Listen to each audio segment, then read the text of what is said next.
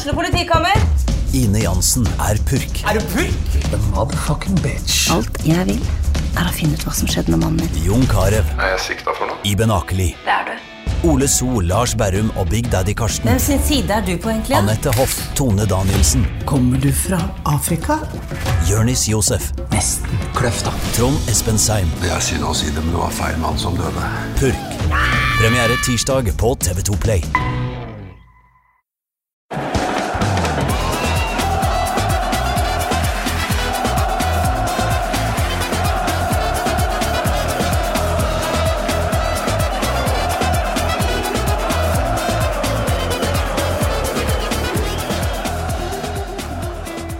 Nå er derbyhøsten her. Velkommen til eh, Pyro Pivo. På lørdag så er det Lillestrøm-Vålinga på Åråsen klokka fire.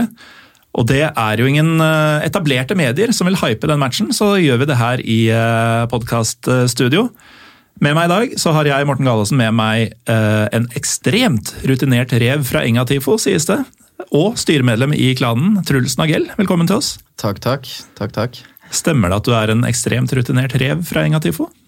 Jeg har eh, holdt eh, på med TIFO siden i hvert fall eh, ja, 2005, kanskje 4, 4, 5, 6, altså da ting riktig skjedde kult. Og så har jeg vel vært i ledelsen for dette her i de siste fem åra, eller sånn der omkring.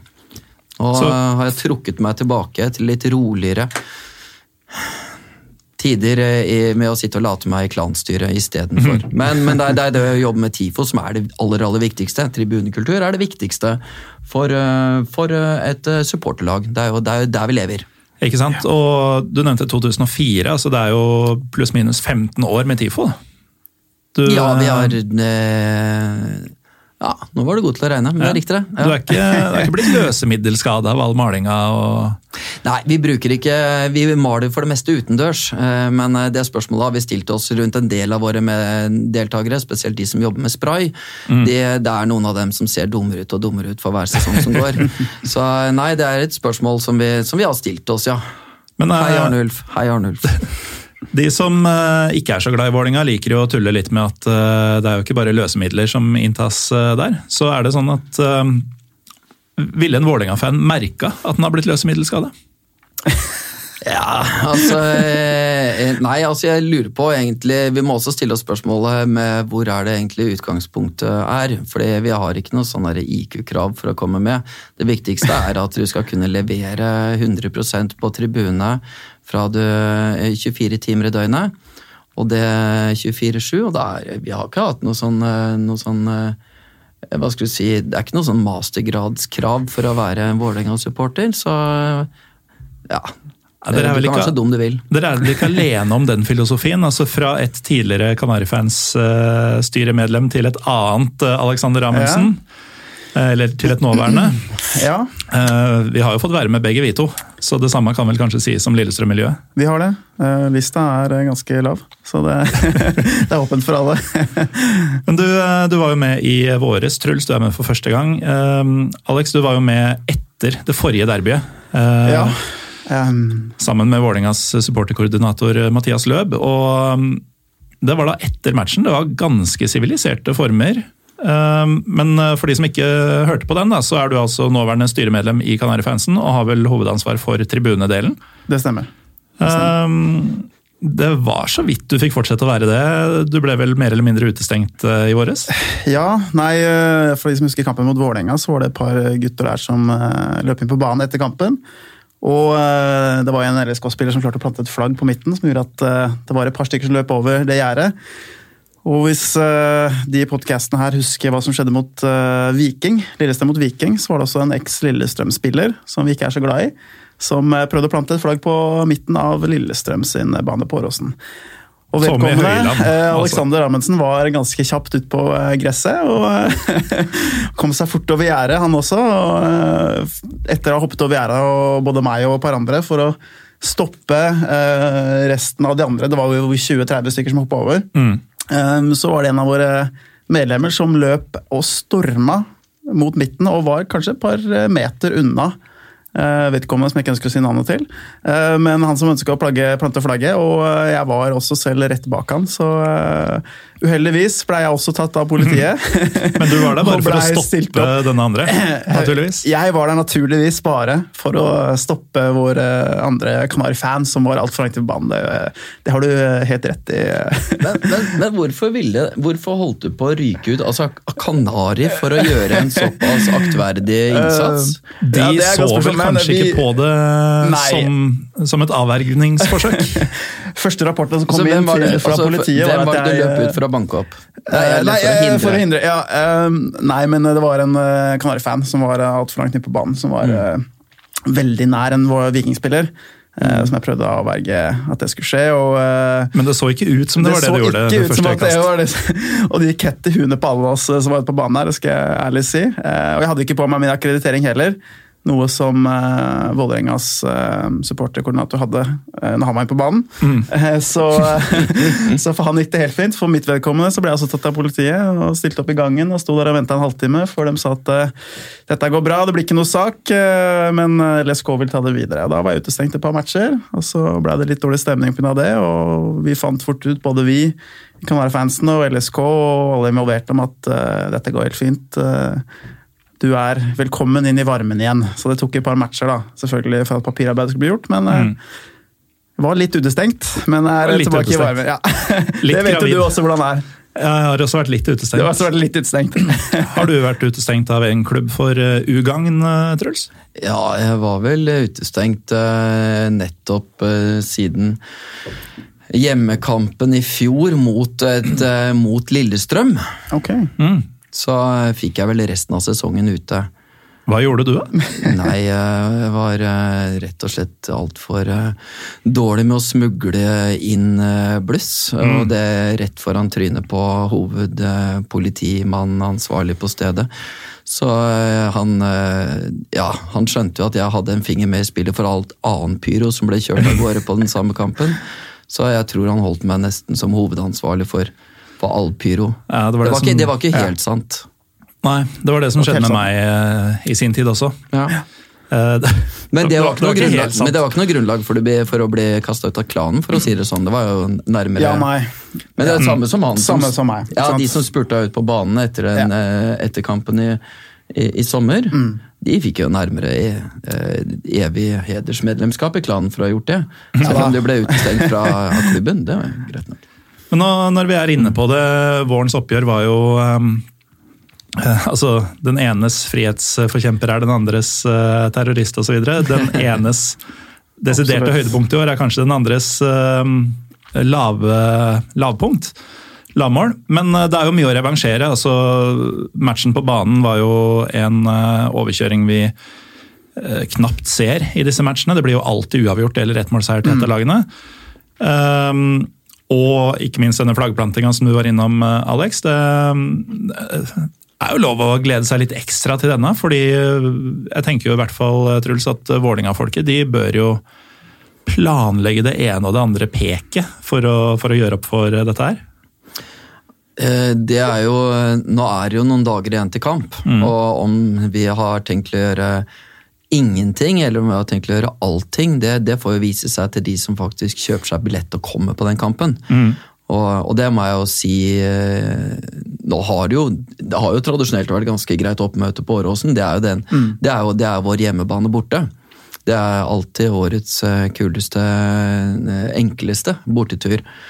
Så de får bare rett og slett komme seg dit og se om det blir noe sprell der. Det å sitte og se det på TV, det kan jeg si med en gang at eh, da må du være heldig med at kameraet tar og seiler inn akkurat, akkurat der og da, eller at VGTV har stilt inn, eh, eh, inn kameraet sitt rett i veien. Mm.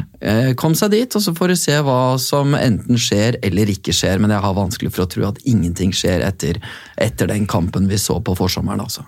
Er det noe godt norsk ord for 'amenes', som man bruker på engelsk? For det, det, det var det du sa nå. Det var litt sånn Du la noe i lufta eh, som, eh, som jeg gleder meg til å se hva er, i hvert fall. Um, det er jo Det er jo ingen som altså Megalvis han tok nok å løpe ut der og plante flagget det er å sette egentlig standarden for hvor provoserende kan egentlig en spiller være mot hatmotstanderen sin. Ja da, det var ekstremt provoserende. Det, var, Det var det, er, det er Godt liksom stykke arbeid. Det var liksom ikke uh, Vålerenga eh, ja, Haugesund, sikkert et spennende lag det også. Eller Brann, sikkert spennende, og, og, og Rosenborg likeså. Men det var Lillestrøm, liksom. Ja, og så er det mm, kanskje en ekstra altså For Lillestrøm-folket så er det jo så perfekt at det var nettopp han. For han er jo den derre fitteglystypen, Ja. ikke sant? Den, jo, Han er kultfiguren, ikke Ja. sant? Han har jo Superbreiale, eplekjekke kødden. Kongepokalen og ja da. og je og itte, og det er liksom Ja hele pakka. Det, um, så det er jo kanskje ekstra provoserende i seg selv, men uh, Alex, hva slags uh, Eller er dere forberedt på alt som uh, Vi, vi er forberedt, men altså, vi kan være forberedt på alt, men alt kan fortsatt skje. Uh, og jeg må innrømme at jeg er nervøs. Altså. Jeg er mye mer nervøs nå enn det jeg var i, i vår. Uh, og det kan, det kan dere sikkert høre på stemmen min i dag. Altså, jeg er dritnervøs. hva, hva er du nervøs for? Altså, jeg har jo god fantasi, eh, men det er jeg sikker på at eh, de i eh, Oslo øst også har. Så det kan skje hva som helst. Det, har vært mange morsomme eh, ting som har skjedd oppe gjennom åra, som har vært veldig provoserende for oss også. Og noen ting som ikke har vært like morsomme. Jeg kan jo annet nevne halshuggingen av eh, Tom? Lund sin statue. ikke sant? Så, men vi savner jo fortsatt et eh, hode. Ja. Eh, og kanskje det dukker opp, hvem vet. Eh, det har vært noen kors på banen. Det, det er alltid noe eh, graffiti og noe tagging som kommer her og der. altså Hvem vet hva som kommer til å skje. Det har blitt skutt paintball-kuler på LSK-veggen ikke sant, i blå- blått og rødt.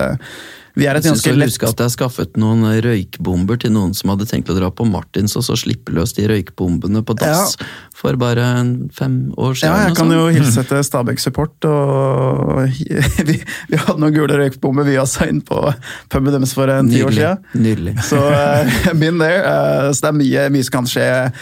Eh, For min del så synes jeg det er veldig bra at det er litt den spenningen i luften. Eh, Jeg tror miljøene, Kjernemiljøene er veldig klare for at nå kommer det til å bli et vanvittig bra derby. Litt 2012, litt sånn eh, full inferno fra begge sider. Full tenning både oppe i huene og på banen og på tribunene. Så jeg tror at det her kan bli vanvittig vanvittig bra. Så alle som hører på, på den der ute, som liker fotball og har lyst til å oppleve en tribunekulturkamp, og ikke trenger å fly noe sted for å oppleve det, eller kanskje hvis noen som er på Vestlandet, Nord-Norge etc., kanskje de har lyst til å fly ned. i hvert fall dette her er den matchen dere ikke vil gå glipp av. Eh, og skal ikke jeg si hva som kommer til å skje, men jeg kan bare si at det blir veldig, veldig bra. Jeg, jeg tror deg. Eh, Når Vi sier, eh, altså vi refererer jo mye til det som skjedde i våres, og det er jo fordi disse kampene er jo alltid eh, veldig intense, altså både i forkant og underveis. og De er ofte jevne på banen også, som gjør jo at det blir enda mer, eh, mer trøkk. Men nå er det liksom det derre Siden Vålinga må slå tilbake, De må det. eh, og siden begge laga er så ræva altså jeg, jeg leste eh, La oss bare si det som det er. Ja, men det er. Jo, det var en bra tweet her bare, bare- Jørn, bare- bare- bare si det med en gang. Vi er eh, riktig, riktig ræva sportslig siden eh, de tre-fire er siste månedene. Altså. Eh, Jørn kalte det jo El Dassico på Twitter. Representativt i 2019 i forhold til fotballen. Jo, jo, men det, det er det. Og så så jeg en eller annen løk på Twitter nå rett før vi gikk inn, som skrev Mm. at eh, dette er jo alltid en kamp som bare handler om æren, fordi laget har aldri noe å spille for. Altså, Har vedkommende sett på uh, både faktisk tabell og formtabell? Dette er to lag som er i, i nedrykksgjørma, begge to. Det ser bare ikke nødvendigvis sånn ut fordi det er et par andre lag der, men det er snakk om fire-fem poeng ned til direkte nedrykk for begge to. Så det Ja, er ikke sant? Hold, hold, eh, hold den, den standarden som ligger der nå, hold den samme kurven. Hvis man tar liksom kurve fra de siste fem kampene, så selvfølgelig så, så er vi nede i gjørma og nedrykk mm. begge to. Og Lillestrøm har jo, har jo lang trening og ligger på tolvteplass. Så sånn sett så er jo egentlig Lillestrøm bedre an enn de har vært de tre-fire siste åra. Eh, Men, Lill- men eh, Vålerenga driver og, og eh, setter en bunnrekord på, på mange år. Vi, Så kanskje det blir liksom 14.-15.-plass. Det, det hadde vært mest trivelig om Lillestrøm rykka ned alene i første omgang. Eh, Men det blir jo et helt år uten å reise til Åråsen. Det er jo litt trist. Eh, Men, men det, det er vel, det bare blir ett år, men eh, er vel egentlig på tide at Lillestrøm tar og sprekker den der streaken Nei, har- sin i øverste divisjon. Syns du ikke det? Nei, jeg syns ikke det. Nei, Jeg synes dere synes ikke det? Er det ikke, er det ikke Lillestrøm som har Nå, holdt eh, lengst i øverste divisjon? Ja, det er det. Så nå samler Ja, vi på er- 14.-plasser. Nei, det gjør vi ikke. Vi samler på 12.-plasser, og vi holder oss oppe i Eliteserien. Det er det vi gjør. Så Men uansett så er det jo sånn for de som eventuelt sitter på gjerdet og tenker sånn her «Ah, Kampen har ikke noe å si og sånn, de må bare våkne. Altså, fordi den kampen her er dritviktig sportslig for begge lagene. I tillegg til alt det andre. Jeg snakka med Mathias her eh, for eh, bare en liten stund siden. Supporterkoordinatoren altså supporter for Vålerenga, ja. For det var han som var på besøk og møtte, møtte dere Stemmer. to etter eh, forrige, etter forrige match. Mm. Uh, og vi, uh, vi snakket egentlig litt om det der begrepet med hva er det som er årets hatoppgjør i, i norsk fotball. Og, og synes egentlig, både jeg og han, at det er merkelig at man drar fram sånne ting som Molde mot Rosenborg. Ja, det ligger Mm. nære hverandre sånn geografisk. Trekk, trekk en passer på kartet, og så Ja, det ligger nære hverandre laget. sportslig også. Og Ja. sportslig, hva? det er vel mer der nesten, omtrent. Men vi, vi snakker vel egentlig om, om uh, direkte motstandere på identitetsnivå. Mm. Vi kaller oss østkantens pøbelvelde, vi kaller oss hovedstadens tapre soldater, og vi kaller dere for, eh, for eh, bønda med kumøk mellom tæra. Eller i trusa. Det kommer an på hvordan du ser på det. Og det er jo et image som eh, Lillestrøm i gode perioder i hvert fall nesten bygger litt opp under selv.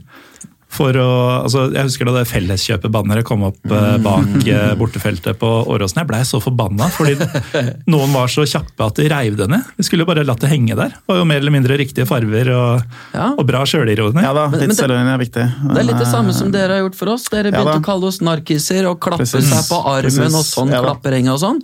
Og hva gjør vi nå? På hver eneste kamp? Vi klapper oss på armen, og vi Mm. Ja identifiserer oss nå med å være narkis på plata. Så takk skal dere ha Ja for at dere ga oss et nytt element av vår identitet. Lillestrøm pleier også å ha um, det de kaller Fulatoget. Som Fulatoget, på, som yes. på eh, holdt på å si um, ultrashåndbokspråket blir Corteo, eller Mars. Det er vel et traktoro, kan vi kalle det. Fra, jo, men traktor er relevant her. Jeg vet hvor du skal. Dette er da, Truls, dette er da en, eh, en marsj fra Lillestrøm sentrum opp til Åråsen. Mm, Den lange Det er en veien. bit, det. Det er en god bit, det. Det er, det er et godt stykke. Det er lenger enn man tror, faktisk. For Åråsen ligger vel teknisk sett ikke i Lillestrøm. Så, ja da. Men, Det er- det er eh, men en gang så hadde man da leid inn en traktor som kjørte i front. Det er ikke bare én gang heller. Nei, Altså, hvis du eh, går tilbake til 2000-tallet, vi hadde den der store festen sammen med TV 2 på torget. Da var det også traktor og flere tusen som gikk etter, og det, det så ut som en sånn felleskjøpsparade. Det var ikke mm. bra. det er Men riktig innstilling. Den liker jeg. Den liker jeg Ja, man må ha litt selvrenning. Jeg synes det er så bra sånn som du sier, at man spiller litt den pingpongballen fram og tilbake over bordet. ikke sant? Man må ha den humoren, og Ja. man må ha den selvironien for å slå den tilbake. Dette her er årets derby, Ja mener jeg, i Tippeligaen. Det det er ikke noe tvil om det. Det, har, her Nei, er det, ikke bare, om. det er ikke bare nærhet til geografi, fordi vi ligger egentlig bare rett på andre sida av Gjelleråsen for hverandre. Ja da, du har Østmarka. Ja. imellom, ikke sant. Og så, som, som vi snakka om også i siste podkast, altså dette her er det største derbykampen, lokaloppgjøret, pluss eh, kulturhistorisk, eh, historisk på alle mulige måter, så er det det største lokaloppgjøret i Norge. Eh, du kan også, som vi snakket om litt tidligere, eh, før vi gikk inn i studio, trekke inn f.eks. Lyn og Vålerenga på 2000-tallet, hvor det var stor boom også på tilskuersiden. Eh, det var kanskje ikke sånn den samme fanskaren, det var ikke den samme kampen mellom fanskarene. men i hvert fall det Det var var sånn ikke mye Oslo- fans å finne på Nei, det var jo ikke det. Det var ikke var, det. Var, men, men, Men de dukka opp på derbydag, da. De dukka på Jo da, derbydag. da de Da var det kanskje 4000-5000 fra Lyn der, men ellers så, så er det jo ingen tvil om at Lillestrøm mot Vålerenga har vært den beste tribunekampen og supporterlivkampen i Norge de siste 25-20 åra. Som vi har hatt sånn ordentlig etablert tribunekultur. Personlig så savner jeg selvfølgelig Lyn. Mm. Eh, fordi det er eh, Det var den De, kunne virkelig definere altså Det er jo, det er jo motstanderen som, som de, de du liksom hater. Jeg, Mm. jeg legger litt hermetegn i lufta her nå. De, de definerer også hvem du er. De, de, de definerer Det de er, er, er alt det du sjøl ikke er. Eh, Så sånn sett så hater jeg jo Lyn. Eh, Eller jeg savner Lyn.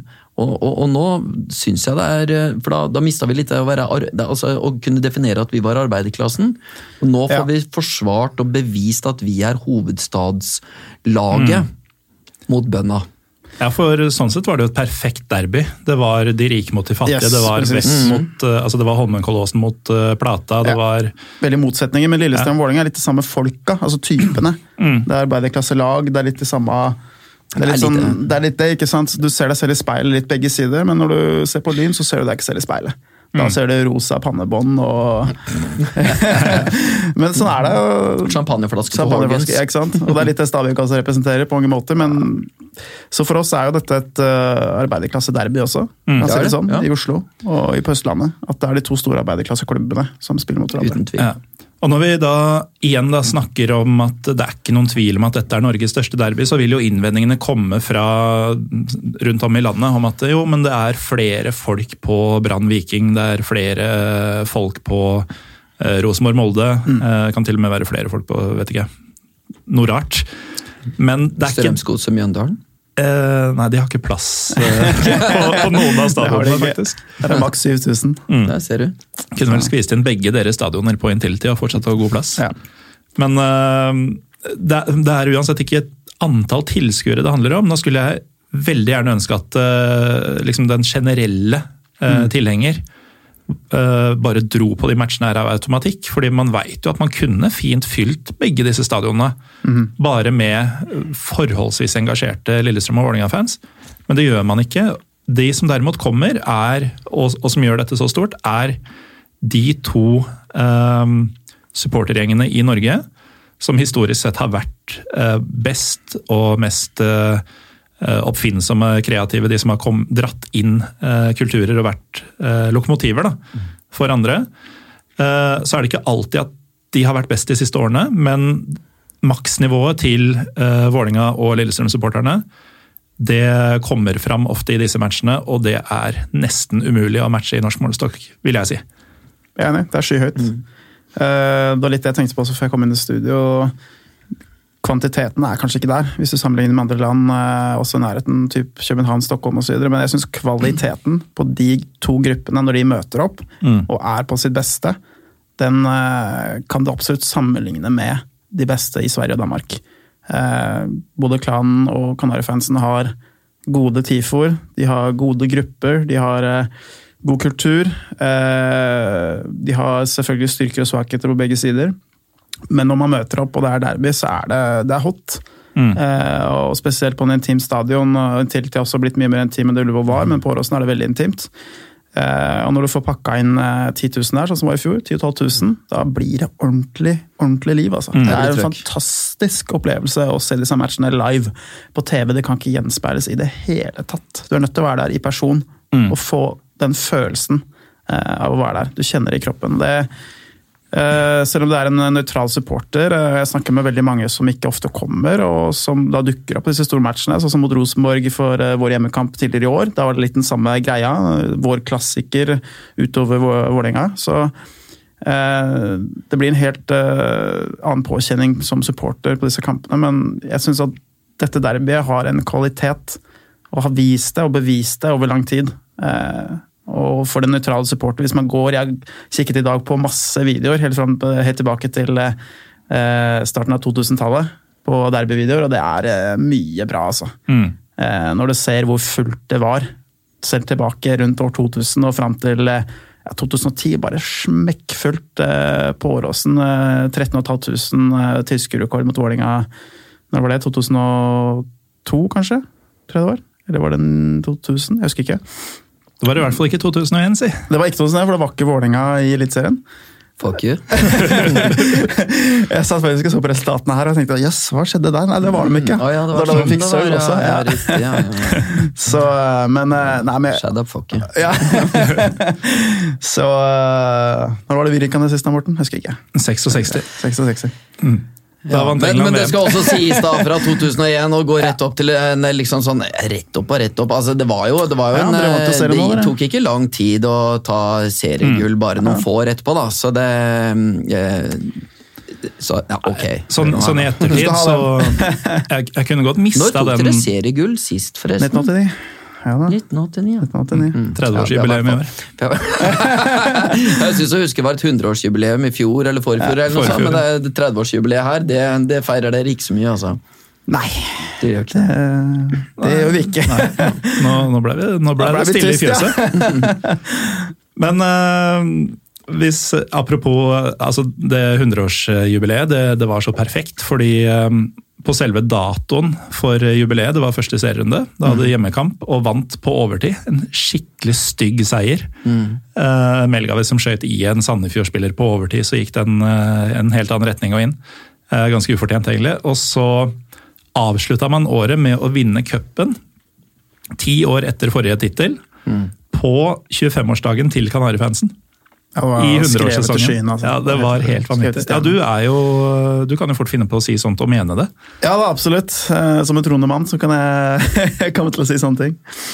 Men eh, nei, det var helt fantastisk. Det var eh, For vi begynte også litt kjipt det året. Jeg husker den der festen vi skulle ha. Den der 100-årsfesten var ikke helt det vi hadde forestilt oss. Det var ikke det. Så det var litt nedtur, men så fikk vi cupfinalen. Så fikk vi selv om det ikke ble cupfinale telt, så fikk vi det på Norges varemesse. Og vi hadde veldig veldig bra fest der, så det, det var ålreit. Mm. Men vi skal ikke snakke om det. Skal vi, Nei, vi, vi, skal snakke om framtida. Jeg kan jo si i, i forhold, til, forhold til dette 100-årsjubileet ja. Eh, deres, da, så var jeg jo med på Vi hadde jo faktisk eh, Det er ikke alle eh, sånn, lytterne som vet om det, men, men tidvis må supporterne slå seg sammen mm. for, å, for, for, å, slåss mot Norges fotballfiender. Og, og i, det, i, det, året så var det snakk om å kjøpe inn pyro. Da måtte mm. vi kjøpe inn da samla utenlandsfra med teite godkjenninger og sånne ting, for mm. å kunne snike oss rundt eh, noen reglementer. Eh, og da, da, møtte jeg jo eh, dere eh, ja. på, på, leveringsdagen, da vi hadde kjøpt inn alt, og alle supporterlagene på Østlandet kom og henta sine, og, og, halvparten av leveringa var jo kun til Kanaris. Men det var ja.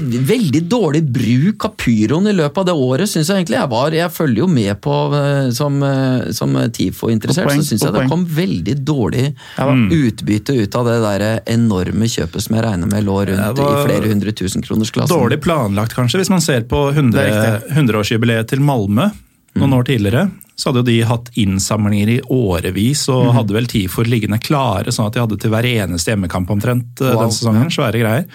Um, I eh, Lillestrøm-miljøet så skyldte man vel flere titusener i bøter allerede, tror jeg. og valgte Ja da, vi skyldte mye penger. Uh, vi ja, kunne rett og slett ikke gjøre det, tror jeg.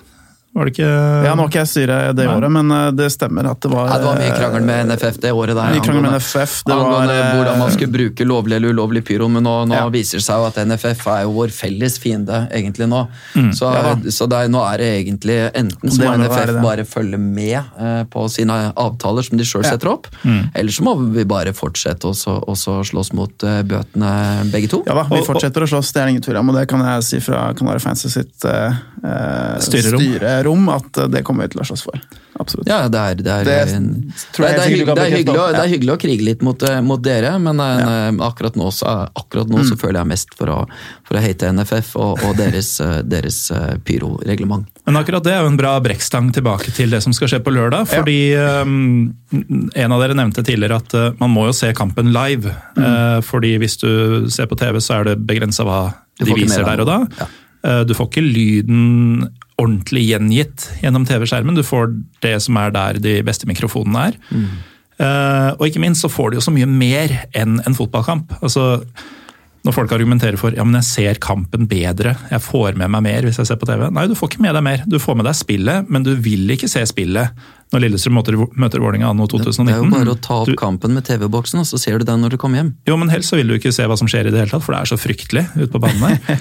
Men hele den der, hele den oppladninga, altså fra man står opp, kanskje til og med kvelden ja, før, eller flere kvelder før. Mm, helt enig. Det er en uh, heldagsopplevelse. Ja. Komme sammen med, med vennene sine, likesinnede, likesinna, kjenne på nervene, ta deg et glass med Biovit eller øl eller hva det er du drikker. Jeg kan si at min, min dag den starter jo klokken seks-syv om morgenen. Mm med full fokus på kamp. Ja, Dere skal vel rigge til kamp, dere Vi skal jobbe, jobbe, jobbe. Det blir rigging, og så er det tilbake igjen. Så er det noen øl, og så er det tilbake igjen tidlig for gjennomføring. Og... Det er uh, alt mulig som skjer. Vi har jo uh, puben åpner klokka ti om morgenen. Ja. Der er det uh, frokost til de som har lyst, og vi har tysk oktoberfest-tema ja, i byen denne mm. i år, så det blir god stemning. Dere merker ikke om jeg går inn der med merker en røykrom i lomma? Det.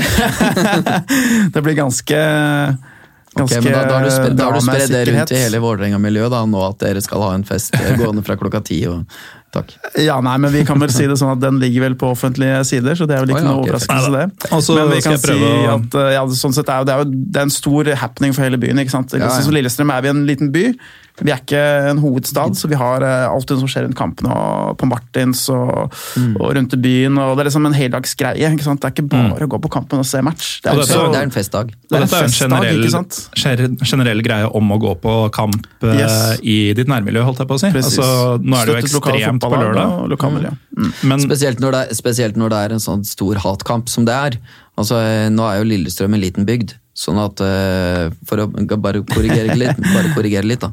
Sånn at dette her må jo, denne innmarsjen her fra hovedstaden må jo gjøre, eh, må jo gjøre inntrykk, mener jeg, for, eh, for, eh, for dere lokale. det er vel ikke da- derfor man tar opp de gule og svarte flagga og har tog i sentrum? Nei, nei, nei, det, sånn? det kan være det, det kan være det storfint finnes andre, det finnes andre er faktorer der. andre, andre veien, ja. Men det er litt eh, fint at vi kan på en måte komme og innta og møte motstand også blant, blant de lokale. Så enhver Lillestrøm-beboer som sitter hjemme Mm. og tenker nei, så hyggelig det er å sitte og se på det sportslige i 90 minutter med litt prating i pausen og pluss overtid. Og masse reklame. Ja, det, det, det, det er bare pisspreik. Kom også, kom også se eh, og, og observer og hør at, at uh, Vålerenga kommer og, og eier Åråsen i 90 minutter. Det tror jeg er eh, det, er det jeg vil oppfordre en Lillestrøm-beboer til å gjøre. Men uh, Eller tapkampen, kampen, det er også en mulighet. Nå er det jo sånn at eh, det virker jo ut fra dine siste uttalelser om lovlig pyro og greier, og, og generell eh, melding, eh, at eh, vi alle sitter rundt bordet her og ønsker mye galskap og mye som skjer, eh, gjerne i form av eh, enkelte ulovligheter. Eh, og da, samtidig som vi da oppfordrer alle til å komme. Og der har du den der balansegangen da, som alltid dukker opp. sånn eh, du vil jo ha stadionet fullt, du vil ha menigmann på kamp, og ikke bare eh, de to Ja, ja. stående De blokkene. sivile, de sivile folka er fint å få på besøk. Hva er, eh, Truls, hva er ditt, eh, dine tanker rundt det at eh, hvis det er mye eh, krøll, da, altså mye pyro, eh, kanskje et og annet oppslag om noe som har skjedd på en pub eller eh, noe sånt, eh, tror du det får flere eller færre folk på kamp? Altså, selvfølgelig eh, Der går begge veier. Altså, jeg, jeg, er en ganske gammel fyr nå. Jeg har blitt en gammel mann. Og, og, og jeg liker galskap innenfor eh, visse rammer, jeg må innrømme det. Nå kan det være at jeg møter en del eh, unge sinte menn som er litt uenige med meg i at man skal noen gang i det hele tatt gidde å be om tillatelse. Eh, jeg syns det er hyggelig å be om tillatelse eh, for det aller, aller meste. Men, eh, men eh, noen ganger så kan det være greit å også sprekke litt grensene. Det kan være. Så jeg regner med Det, det går nok eh, fra begge sider mest mulig ordentlig for seg og redelig. og og, og, og man har tillatelse til beste. Det, altså, mm. Bryter man for mange sånne avtaler, så ødelegger man også for muligheten til å lage gode TIFO-er. Og, og TIFO innebærer at man må komme og rigge liksom sånn 6-7-8-10-12 timer før kamp. Og hvis du har mista helt den tilliten der hos arrangøren, så får du ikke lagd de gode tingene mm. seinere. Men, men, men jeg, jeg, har faktisk ikke helt oversikt over hva som skjer eh, på, på Åråsen. Eh, så, så jeg kan bli like overraska, jeg som andre. Men jeg ønsker på den kampen her at det kommer flest mulig sivile eh, familier for å, å, for å bidra hva, hva de klarer eh, mm. mellom popkorn og cola. Eh, sånn, sånn, at det ikke bare blir, eh, blir liksom eh, bavianer og aper mot hverandre. Eller bøfler og aper mot hverandre. Det, det, det blir litt for kjedelig igjen. Mm. Og så er jeg, jeg har en teori som er basert på absolutt ingenting, om at uh, man trekker jo ofte fram barna i dette her. Tenk på barna som ble redde da de så, ja. så all røyken og sånn. Jeg uh, tror at uh, det er en ratio på minst to barn med store øyne som syns dette er dødsfett, mm. Mm. per ene barn som blir redd. Og jeg tror også at det ene barnet som blir redd, blir det fordi mamma og pappa sier at dette er skummelt. Det er jeg så enig i. Takk. Ja. takk. Enig. enig. Men det er liksom forskjell på altså For min del så syns jeg at uh, det som skjer på tribunen, stemningen, livet, uh, pyro osv., det er helt innafor.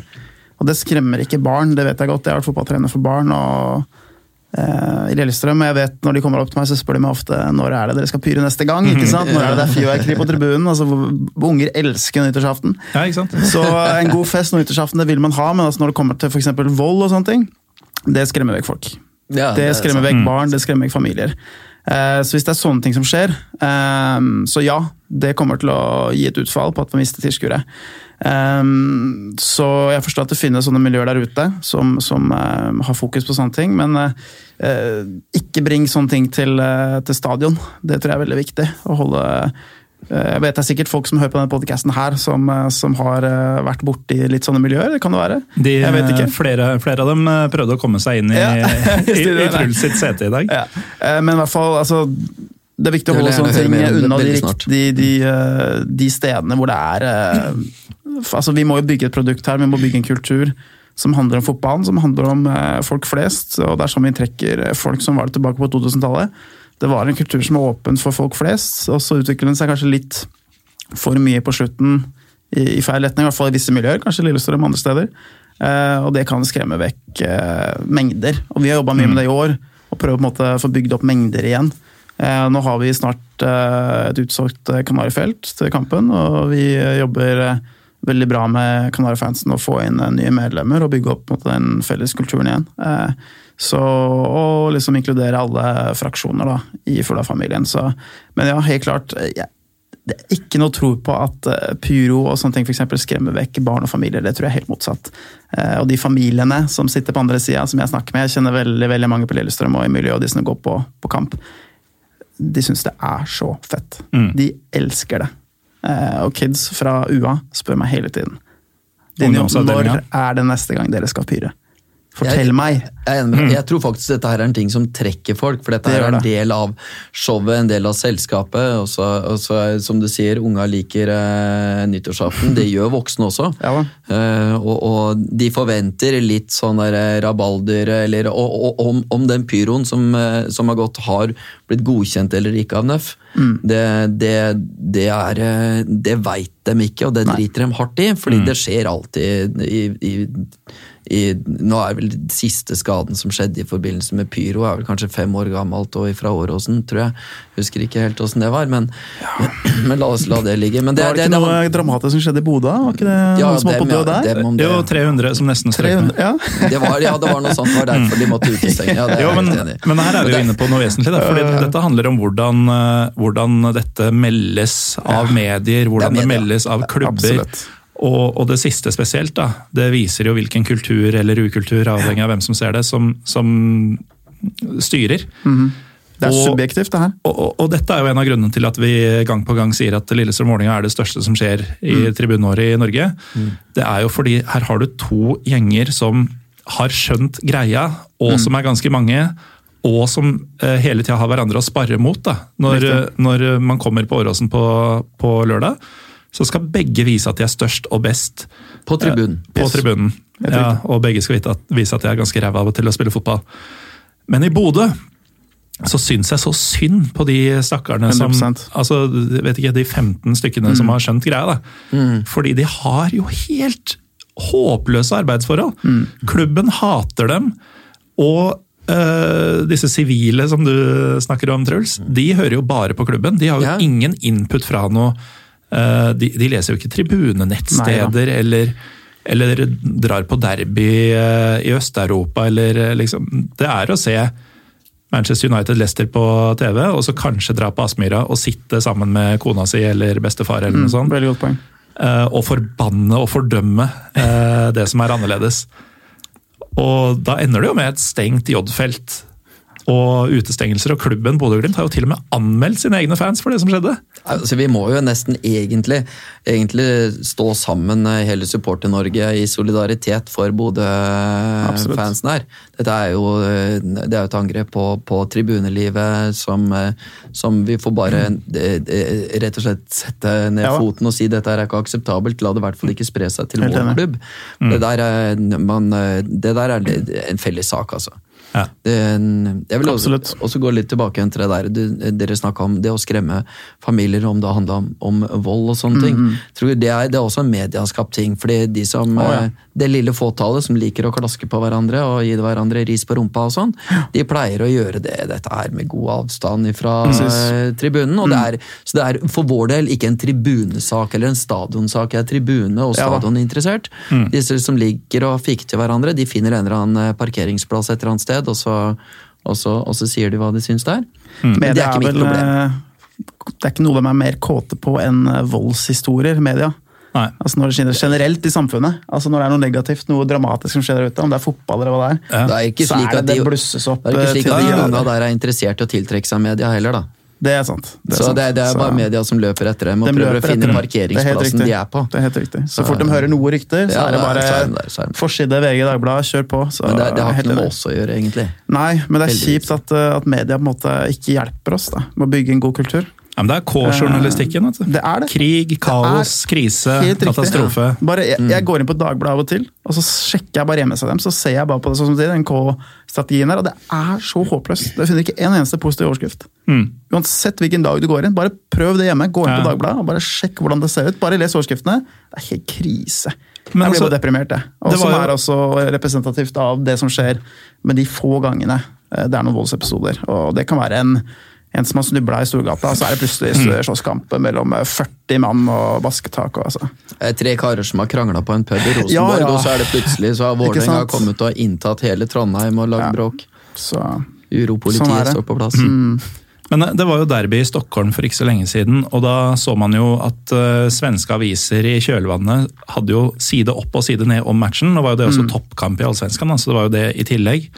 Uh, men der hadde du jo en egen seksjon hvor du hadde ganske kyndige folk i avisa, landsdekkende presse i Sverige, som eh, ga terningkast til TIFO og tribunekampen. helt nydelig. Og en del av tifoene var jo bruk av pyroteknikk og sånn, som jo på ingen måte er lovlig i Sverige. Eh, kanskje mer ulovlig enn noensinne, sånn som ting har blitt der. Eh, og, og de gjorde det på en kul måte. De bygger inn dette som en del av opplevelsen, og de som skrev om det, hadde faktisk litt innsikt i hvordan dette funker, og hvilke referanser var det i det budskapet og sånn. Top notch. Og hvis du har eh, tenner ett bluss på lørdag, eh, jeg mistenker at det blir flere, så Svenske tilstander. Ja, altså, da, jeg- da jeg satt i styret i Kanarifansen, så var det sånn telefonen gløda Ja, da, etter jeg- Lillestrøm-Vålerenga 2011. eh, hvor det hadde vært mer enn ett pluss eh, på Kanarifeltet. Og alt handla om var dette planlagt fra deres side? Dere vet at det er ulovlig. Hvem har gjort dette? Hvor mye visste du? Og så videre og så videre. Det, det handla liksom bare om å ta folk. Og, og, og lage sånn derre ja, sånn sak som skremmer bort familiene. Det er det det handler om. Det er det som gir klikk, det som gir eh, penger. Cash Ja, Jo, men I Norge så er det det. I Norge er det det. Men, I Sverige så er det folk som gjerne vil lese om hvor bra det er. ja. Vi hadde jo en sånn sak i fjor. Det var jo uh, Vålerenga-Lillestrøm på hjemmebane da, som resulterte i at jeg måtte ta meg eh, ferie ut sesongen. Eh, og da, da var det jo eh, eh, Men da hadde vi jo eh, tatt og slåss mot eh, NFF hele våren, og spesielt hva heter han der Ellefsen, han eh, Brann-supporteren, tullingen der. Han eh, Ja, jeg sa det i media, men eh, han eh, da, da ga vi bare rett og slett opp, og så bestemte vi oss for at eh, vi bestemmer oss for å betale en viss bot, og så går vi ut i media og sier ifra at dette her gjør vi ulovlig. Selvfølgelig i etterkant, da, for eh, eh, eh, men da, da, var, det- da var vi bare så dritlei av, av eh, Nå har vi forsøkt å gjøre dette her ordentlig og ryddig, og vi gjennomførte det som vi hadde fått lov til å gjøre det, akkurat der og der, hvis vi hadde fått lov. Med sandbøtter og med vann og all sikkerhet, informere de rundt og løpsedler etc. osv. Uh, og sånn ville vi ha gjort det hvis vi hadde fått Precis. lov. òg. nøyaktig like fornuftig, sunt og, og, og, og sikkert. Det, fordi sånn gjør vi det alltid uansett. Vi har jo hatt eh, Erling Rostvåg fra klanen eh, inne flere ganger og snakka om dette, og også Bjørnar Posse Sambo fra NSA, som er to av de i Norge som har jobba mest for eh, mot legalisering av, eh, av pyro. Da. Og eh, jeg husker han var veldig langt nede, Erling, eh, sist vi snakka om dette, for det var liksom Det var så langt fra det de hadde jobba for, og som de trodde lenge at de skulle få gjennomslag for, til det som faktisk skjedde. Og eh, den protesten stiller i hvert fall jeg meg og, og, å bare kjøre på ulovlig, stiller jeg meg 100% bak, i hvert fall. Altså, Selv de- om det er dere. Ja, NFF de, de, de stiller da nye krav og nye krav og nye krav til hva som skal til for oss å ha en, en lovlig pyro. Når vi, når vi nærmer oss å, å følge opp deres eh, og ha oppfylt deres krav, så gjør de en, en eh, og svinger av igjen med en gang, og så finner de på et eller annet nytt for å nok en gang fortsette å hindre det. Så, så vi kan ikke se på dette som noe annet enn egentlig bare en irriterende agenda fra Ellefsen og fiskekjønn til, også, til å, å fortsette å trenere dette her. Uansett om vi klarer å følge opp deres krav, så vil de med tester og prøver og søknader, og, og vi endrer på det hele tida. Ja og vi fortsetter og vi fortsetter, og vi er i en sånn prosess gående akkurat nå, jeg og TIFO-gruppa og klanen og, og, og Ikaros også, for å komme fram til en ny avtale. Jeg er helt sikker på at disse to kara kommer til å ta sving av nok en gang. Så det, det, det, der, eh, Da blir det til at 2020 kommer til å bli den nye ulovlige sesongen. Fordi at vi gjør ting slik vi får beskjed om, og får allikevel nei. Ja, det er kjipt å ha et reglement som ikke er gjeldende. Altså Når de har satt opp rammer, tydelige rammer, og de, de er umulig å få aksept for, det er helt håpløst. Man føler seg litt dolket i ryggen, rett og slett. Og jeg skjønner de, sånn som Posse for eksempel, og disse gutta som har jobba så hardt for dette i så lang tid, og de gir de fortsatt ikke opp. Jeg har veldig stor eh, respekt for at de fortsatt jobber hardt på med det, og vi ønsker å bidra fra vår side også. Vi har snakket mye om det internt. Og vi også stiller oss veldig på hæla nå i forhold til NFF, og vi har ingen tro på det de sier i forhold til pyro og den fremgangen vi har forsøkt å komme til. Så det føles ut som at man har vært ganske nære, og så føles distansen ut som at den bare har blitt enda lenger igjen. Og sånn er det fram og tilbake, som et trekkspill. Den bare står og leker med oss. Ja, og- Det er ingen ordentlig riktig kredibilitet eller integritet bak bordet, og det savner jeg. Kan det ikke være noen ordentlige mennesker med integritet som sitter bak det bordet, og som faktisk er ærlige i det de sier? For det kan godt stå på svart på hvitt, men når de til sist syns de skal godkjenne dette her, så hjelper det ikke at de som sitter på andre bordet, har null integritet overfor det de har faktisk blitt enige om. Det holder ikke mål. Mm. Og da må de personene byttes ut. Det er ikke godt nok. Akkurat nå håper jeg på to ting, eh, merker jeg. Det ene er at eh, vi eh, får noen som vanligvis ikke hører på Pyro og Pivo, til å høre denne episoden. Ja. Og at de folka samtidig får inntrykk av at det er tre forholdsvis veltalende og følgelig antagelig også oppegående folk som sitter og prater om dette. At de får en annen, eh, en annen vinkling på denne pyroproblematikken enn den de er vant til. Eh, som de faktisk tenker at de er ikke pøbler og idioter hele gjengen. Kanskje det er litt gøy likevel. Og kanskje vi også burde begynne å mene noe om dette. Vi burde det, og dette er det beste for norsk fotball. Vi ønsker ikke å skade norsk fotball, vi ønsker å styrke den, vi ønsker å gjøre det til et bedre produkt. Og vi er en del av det. Vi er jo omtrent halvparten av det. De som er på tribunen, og de som spiller ute på banen. Altså, vi, vi er en, vi sammen om dette. Vi møttes jo egentlig før denne her samtalen her, for at vi skulle bygge opp for en uh, hatsituasjon mellom, mellom to lag som møtes på et derby for bare et par dager siden. Og nå sitter du og jeg ved siden av hverandre og er alliert og står uh, klar til å løpe opp på barrikadene for å slåss for felles sak uh, mot felles fiende. Ja, men det, Det, det, det, det ble helt, dette ble helt feil. Ja, sånn ødelagt- sånn- sånn kan vi ikke ha det, så- Men det er en viktig sak eh, Det er det. Ja, det er for oss. Men Mm. eh, det er klart vi, eh, vi gleder oss til å, til å selvfølgelig knuse Vålerenga på tribunen på lørdag. Nei, det, gjør dere ikke. Det, det pleier dere historisk sett ikke å gjøre. Og dere kjører en eller annen TIFO mot oss, bør prøve på et eller annet med oppheng. Den- den Den der opphenggreia der som alltid kommer opp som en Og det er tifoen, ja. ja. Jeg skjønner, Ja, jeg skjønner hva du mener. Jeg skjønner ja, ikke sant. Nei, det, det, Ja. det, det, det, det må dere gjøre noe med. Altså. Jeg er enig. Hva, hva, dere slåss hva er det mot dere sikter til? eh, Da med sikter vi på TIFOR. Ja, TIFO, Ja, på TIFO, TIFO, ja. TIFO er viktigst. og, hva med. TIFO er det som du mener Kanarifansen Eh, er det er- Disse OH-ene ja. som henges opp foran feltet hele tiden. Det er helt enig at det har vi gjort altfor mange ganger. Så eh, Ja, og så er de hvite OH-er med et Ja, budskap på, og så, og, så, og så blir de hengt opp. Dere burde bare rett og slett hatt en bom øverst eh, som gjør at man får det hengende rett. Mm. Ellers så blir det seende ut som at dere henger som en gardin fra hengsel til hengsel bortover. Det er bare tips, det er bare mening. ja da. Nei, vi Eh, jobber med det- det er en god hele veien. Vi har, eh, nei, vi har vel hatt den løsningen vi har på feltet ganske lenge. Men eh, Mm. kan si sånn at det har vært litt lett kanskje å falle i den samme fella, lage OH-er på år på år. Men eh, i år så har vi gått litt vekk fra det. Prøve å gå litt back to basics og sånn bort mot dere. Så hadde vi en fin gjennomført TIFO med mosaikk og banner foran, f.eks. Det er litt mer min stil. Nå har ikke jeg vært i TIFO-gruppa siden 2007. Jeg kan gi dere en sist, praktisk så, støtte men, der. da. eh, Et OH-er er billigere enn mosaikk.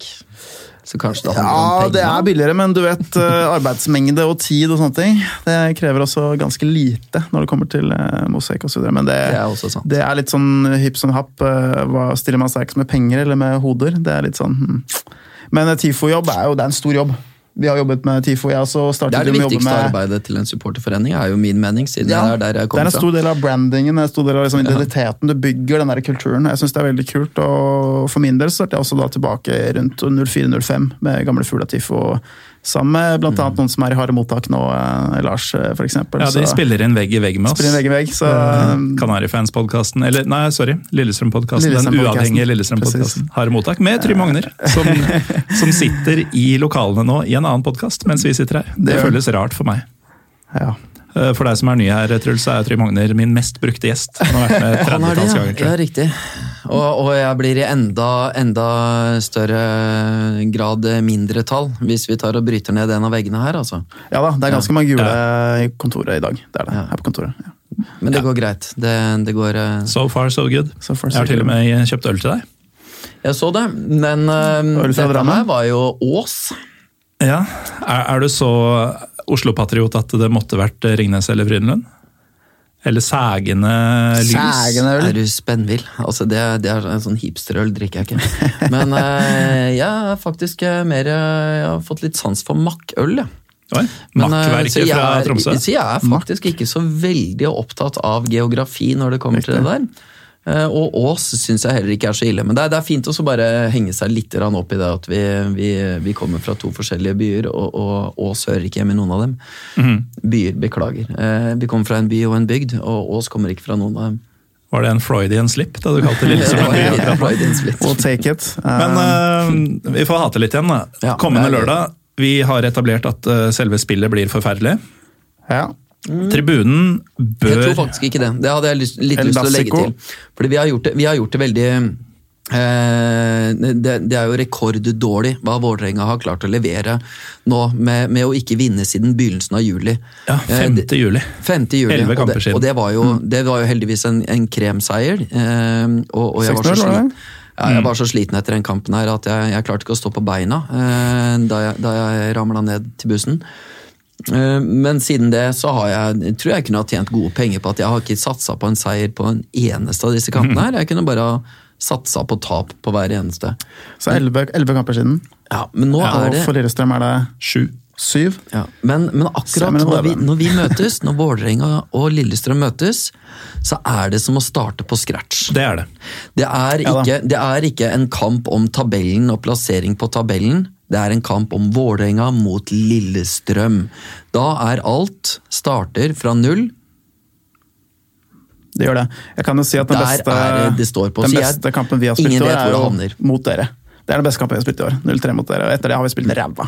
Så jeg, Hver eneste gang. Hver eneste gang. Vi har spilt så dårlig. Altså, jeg kan ikke huske uh, sist vi spilte godt, bortover, bortsett fra Vålerenga-kampen. Så det jeg, jeg, jeg tror alle spillere ute på banen der veit at dette her betyr mer. Ja da, det, det er som. Northug sier. Det, er, det handler ikke om å vinne, det handler om å slå svenskene.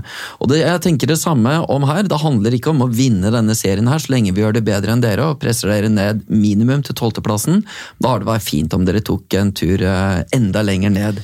Eh, Så det handler om å vinne mot Lillestrøm, langt Ja mer enn plassering på, på, i, i, serien nå. Jeg er våre, antimannen vår, så jeg sier vi taper, jeg. Ikke greit, Morten? Jo, altså, når, når jeg sier at det blir dritt på banen, så er det ikke fra et rent Lillestrøm-perspektiv. Det er fordi det er to jævlig dårlige fotballag. Ja altså, henholdsvis sju og elleve kamper siden forrige seier. Og altså, 5. juli for Vålerengas del, 25. august er ikke veldig mye bedre når vi nå er eh, i slutten av oktober. Men det det er- syns vel kanskje ikke så godt, da. Hvis begge er like dårlige. Da er det vel ganske jevnt. Ikke sant? Ja, så, Ikke sant? så kvalitetsmessig, Ja. mener jeg, så blir det nok en dårlig fotballkamp. Men det blir en uh, antagelig jevnspilt fotballkamp. Det blir en spennende fotballkamp. Og uh, i og med at uh, selv om mange nekter å innse det, så er begge laga i høyeste grad med i nedrykksstriden. Det blir en viktig fotballkamp. Så selv om altså, Den går jo klokka fire på lørdag. Da er det jo sikkert mange som heller vil sitte med fjernkontrollen og se på Brighton, Sheffield Wednesday eller noe sånt. Ja. Men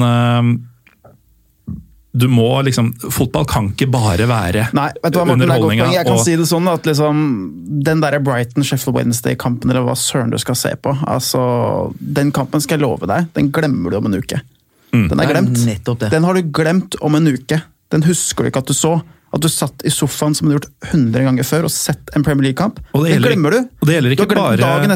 Det gjelder ikke bare Brighton Sheffield Wednesday, Nei, det det gjelder gjelder nesten alle kamper nesten du ser alle på kamper TV. du ser på TV. Champions League-finalen i våres husker ikke jeg Nei, helt åssen precis. Og det, det er Men poenget du, mitt. du At du glemmer går ikke på at stadion Kippe, er inkluderes i et, et sjølmål og løper stormende ut på dass, og så, og så sparker den døra. Det glemmer du ikke. Det glemmer du ikke. Men det du glemmer igjen. ikke at uh, en Brumunddøl beiner ut på banen og Precis. prø- prøver å stappe en helt butt plastgjenstand ned i et betongteppe. med plast på. det er helt riktig. Og det er liksom poenget er at du kommer ikke til å glemme den opplevelsen du kommer til å få på lørdag, når du som hører på denne podcasten går og ser på kampen. Så ikke sitt hjemme og gjør det du alltid har gjort. Gå utafor komfortsonen din, eller hva enn du kaller det, og dra på den matchen her og se eh, to fantastiske supportergrupper slåss mot hverandre om å være best. Og det kommer til å bli og så kalte jeg fantastisk sport, det kan jeg ikke si, vet du. men eh, det går fint. Eh, Norsk men, målestokk eh, må det være. Norsk målestokk, eh, og det det, det som er poenget her, er at vi må ikke, vi må ikke gå i den fella eh, som har blitt beskrevet så mange ganger, at vi skal bli en sånn TV-supporternasjon. Det er jeg så lei av. Mm. Vi er bedre enn det. Eh, og vi er en av, de, en av de nasjonene som har høyest antall eh, gående supportere på stadioner prosentvis i forhold til innbyggertall. Det skal vi fortsette å være, og vi burde være helt i toppen. Fordi norsk, nordmenn elsker fotball, og vi har god fotball i Norge. Vi har fantastiske klubber med rike tradisjoner. Vi har fantastisk ungdomsfotball, vi har fantastisk breddefotball. Vi har en kultur vi må ta vare på. Og hvis ikke vi tar vare på den fotballen her i Norge, vi som sitter her og hører på dette her, og de som går rundt i byene som har disse fotballagene, så dør den. Dør, den. dør sakte og sikkert. Så blir det til Finland. Hva skal, vi, hva skal til for at vi kommer tilbake igjen til der vi var eh, sånn eh, i, i, i, på begynnelsen av 2000-tallet, Ja. midten av det 20-tallet der, eh, hvor det var ordentlig eh, rikelig mengde med folk på, på tribunen. Hva var, det de, hva var det de hadde den gangen som vi ikke har nå, som klarte oss å klemme til eh, de store tilskuertallene, som også leverte de feteste tifoene, bare for å liksom Ikke Det tror jeg vi at jeg var ta en med hel den gangen. men- om, altså. Ja, ja, det blir en Men- helt annen episode, men, men det er hadde mye. vært, Det er det handler om at vi, vi må dra opp den der, det der ordentlige haten der. Nå høres det ut som at jeg jobber for markedsavdelinga til klubben, det gjør jeg absolutt ikke. Men det hadde vært gøy om eh, Vålerenga endelig kunne møte litt god motstand på Åråsen. Mm. Så jeg oppfordrer enhver romeriking til å møte opp og, og slåss mot oss på, på Åråsen. I, i volum og i synlighet. Uh, uh, så, vi, uh, så får vi se hva Mm. som skjer. Skjer sånn flaggmessig og, og sånne ting. Åssen er det igjen? Har dere kunstgress, eller går det an å plante noen ting ordentlig? Ja, det er, Hos oss, eh, nei, hos oss, jeg, Det er hos Lillestrøm, så, så går det an å plante. Og, Det gjør det, ja. Det gjør det. og okay, takk. eh, som gode bønder så er de gode på å plante ting òg. Det er dere Ja sikkert, ja. Mm. Men eh, altså, for, tilbake, hvis vi skal ta det spørsmålet ditt om uh, hvordan man kommer tilbake til de tallene man hadde. fordi Alex, du sa jo at uh, fortsatt uh, så er jo Norge et av de landene hvor. Flest går på kamp Yes. uh, i forhold til, til, uh, til eh, innbyggertallet. Men det var jo altså pluss-minus dobbelt så mange som gjorde det samme for ti år siden. For tolv år Ja, siden. riktignok. Uh, og vi var litt innom dette i forrige episode, faktisk, som, eh, som Trym Hogner var med i, sånn apropos. eh, hvor man liksom slo fast at eh, det er jo de færreste av de folka som ikke går på kamp lenger, som gikk på kamp da, er daue. Eh, De finnes jo fortsatt. Hvorfor slutta de å gå? Hva, hva har skjedd i livene deres? Og eh, hvis det er liksom å etablere seg for barn og sånn, hvorfor er de ikke da på stadion med barnet, som nå er gammelt nok til å fyre bluss? Det, Det er et godt spørsmål. Nå er ikke jeg, nå er ikke jeg selv i den situasjonen, men jeg vet at det er veldig mange av mine min krets som på en måte er der, da, de har barn. Men de fleste av de vil jeg si fortsatt kommer. Det i Lillestrøm til eksempel, som jeg ser, er at det er veldig få av den nye generasjonen. Kall det Generation C hvis du er markedsfører som meg, men eh, de er det veldig få av. De som er eh, i tenår, tenårene og litt som i den gode Mm. alderen, hvor du skal begynne å bli en fotballsupporter eller å elske fotball. så De er det veldig veldig få av. Så er det selvfølgelig, det faller alltid folk av hvis du, hvis du ikke klarer å få inn mange nok nye i forhold til hvor mange som faller av, for det kommer alltid til å være litt sirkulasjon.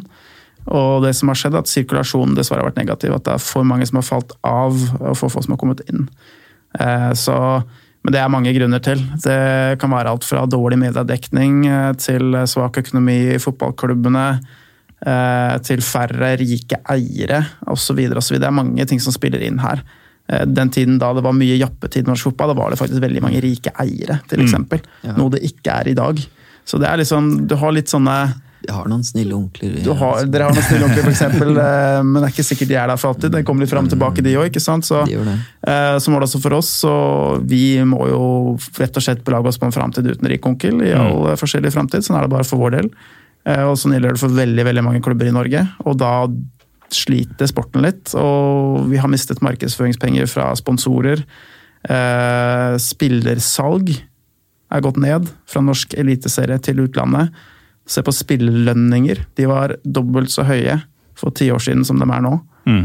I gjennomsnitt i eh, vanlige eliteserieklubber. Så, Så en slags jappetid. det var rett og slett en jappetid Ja, den gang. Ja. den gang. Ja. Det var en jappetid. Altså, det, var altså, jeg- jeg inflasjon i norske at- Jeg skal innrømme at eh, akkurat eh, 05 så tok jo Vålerenga noen ganske dyre innkjøp eh, midt på sommeren der. Eh, for, å, for å gå av med en meget knapp eh, seier der til slutt. Og, og det, de var ikke henta altså Det var jo ikke, det var ikke Oslo-gutter som var akkurat eh, oppdratt på, eh, fra breddefotballen og oppover. Så, så det, var, det, var, det var litt heldige penger det, den gangen, og, og det gjaldt nok ikke bare gjaldt nok ikke bare Vålerenga. Eh, og så var det noen som var så dårlige på, på, på denne her børsen eh, at de, de gikk på en del eh, Nigerian frauds. Oh, we've been there. og, og, og tok seg eh, og, og plutselig hadde kjøpt en spiller som ikke var i Norge lenger. Um, men men nå, nå er jo de nede i var sjuende divisjon eller noe sånt, så det, det, der ser man hvordan det gikk. Eh, nei, altså, det, hvordan å få det tilbake igjen, det er, det er en helt uh, egen Det podkast. det, altså. det det. Men uh, vi kan jo nevne at uh, tilbake i 2016 så var det jo nesten 20 000 på Ullevål. Og så Lillestrøm mot Vålerenga. Så, Så det klart, hender. Det hender. Det Og, Lillestrøm Men- men Vålerenga er, en- er uansett Den lever sitt eget liv. Ja, Men det, det synes jeg, jeg synes nesten det gjør det enda rarere. fordi Nå husker ikke jeg 2016 spesielt godt, men det var vel ikke noe sånn gulljagende år for Vålerengas del, det. Altså, At det kan komme 20 000 ett år og 12 000 neste år, det, det gjør det nesten bare merkeligere for meg.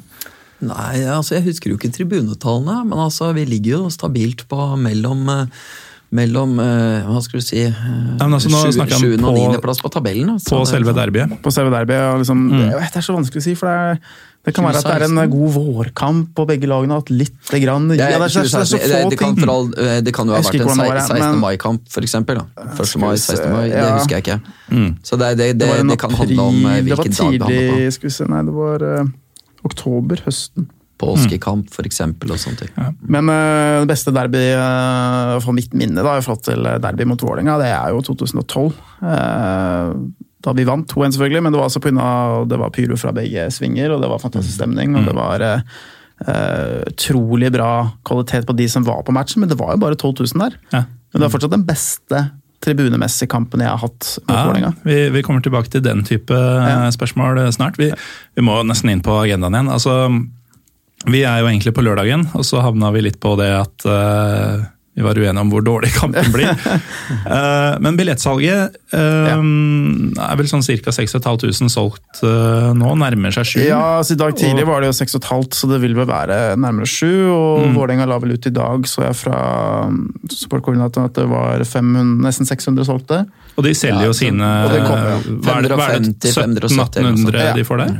Fem, altså det var vel eh, 1500 sittende, og så kan man utvide til 1,5 sånn opp mot eh, 18, nei, Maks 1800. A, a, Maks 1800, tror jeg, hvis man, Ja. hvis man Ja. sier 1,5 person per sete. Så det betyr jo at eh, hvis det er solgt uh, 6008 nå, da, Ja. så vet vi at det kommer 8. Det kommer i hvert fall Fordi ja, Vålerenga selger ut disse. Jeg, jeg, jeg Og- tror nok at en Vålerenga-supporter eh, vanligvis eh, kjøper eh, billetten sin enten, eh, enten faktisk på vei inn, eller, eller de skjønner at eh, det beste er å kjøpe det i forkant. Så de Ja. kjøper det mens de sitter i bussen, så kjøper de det på mobilen, og så viser de det på veien. Så, så jeg, jeg tror at om det står 500 og noe supportere der nå, Så Nei, den- vil vi nok eh, passere 1000 med, og sikkert opp mot 1500, skulle jeg tro. Ja da, På og på feltet vårt er det jo solgt 1500 pluss nå. Det er ikke plass til veldig mange flere Da. Det er plass til 1800 der også. Mm. Så det blir utsolgt. Feltet vårt blir utsolgt. Og, øhm, og resten av stadion begynner å bli solgt ut nå, så det er par, en del VIP, alle VIP-plassene er solgt ut. Og så er det mange av de beste feltene er solgt ut eh, på sittetribunene, på langsidene. Så eh, du må faktisk, eh, for å få din favorittplass, eller en god plass, så må du faktisk ut og kjøpe helst nå.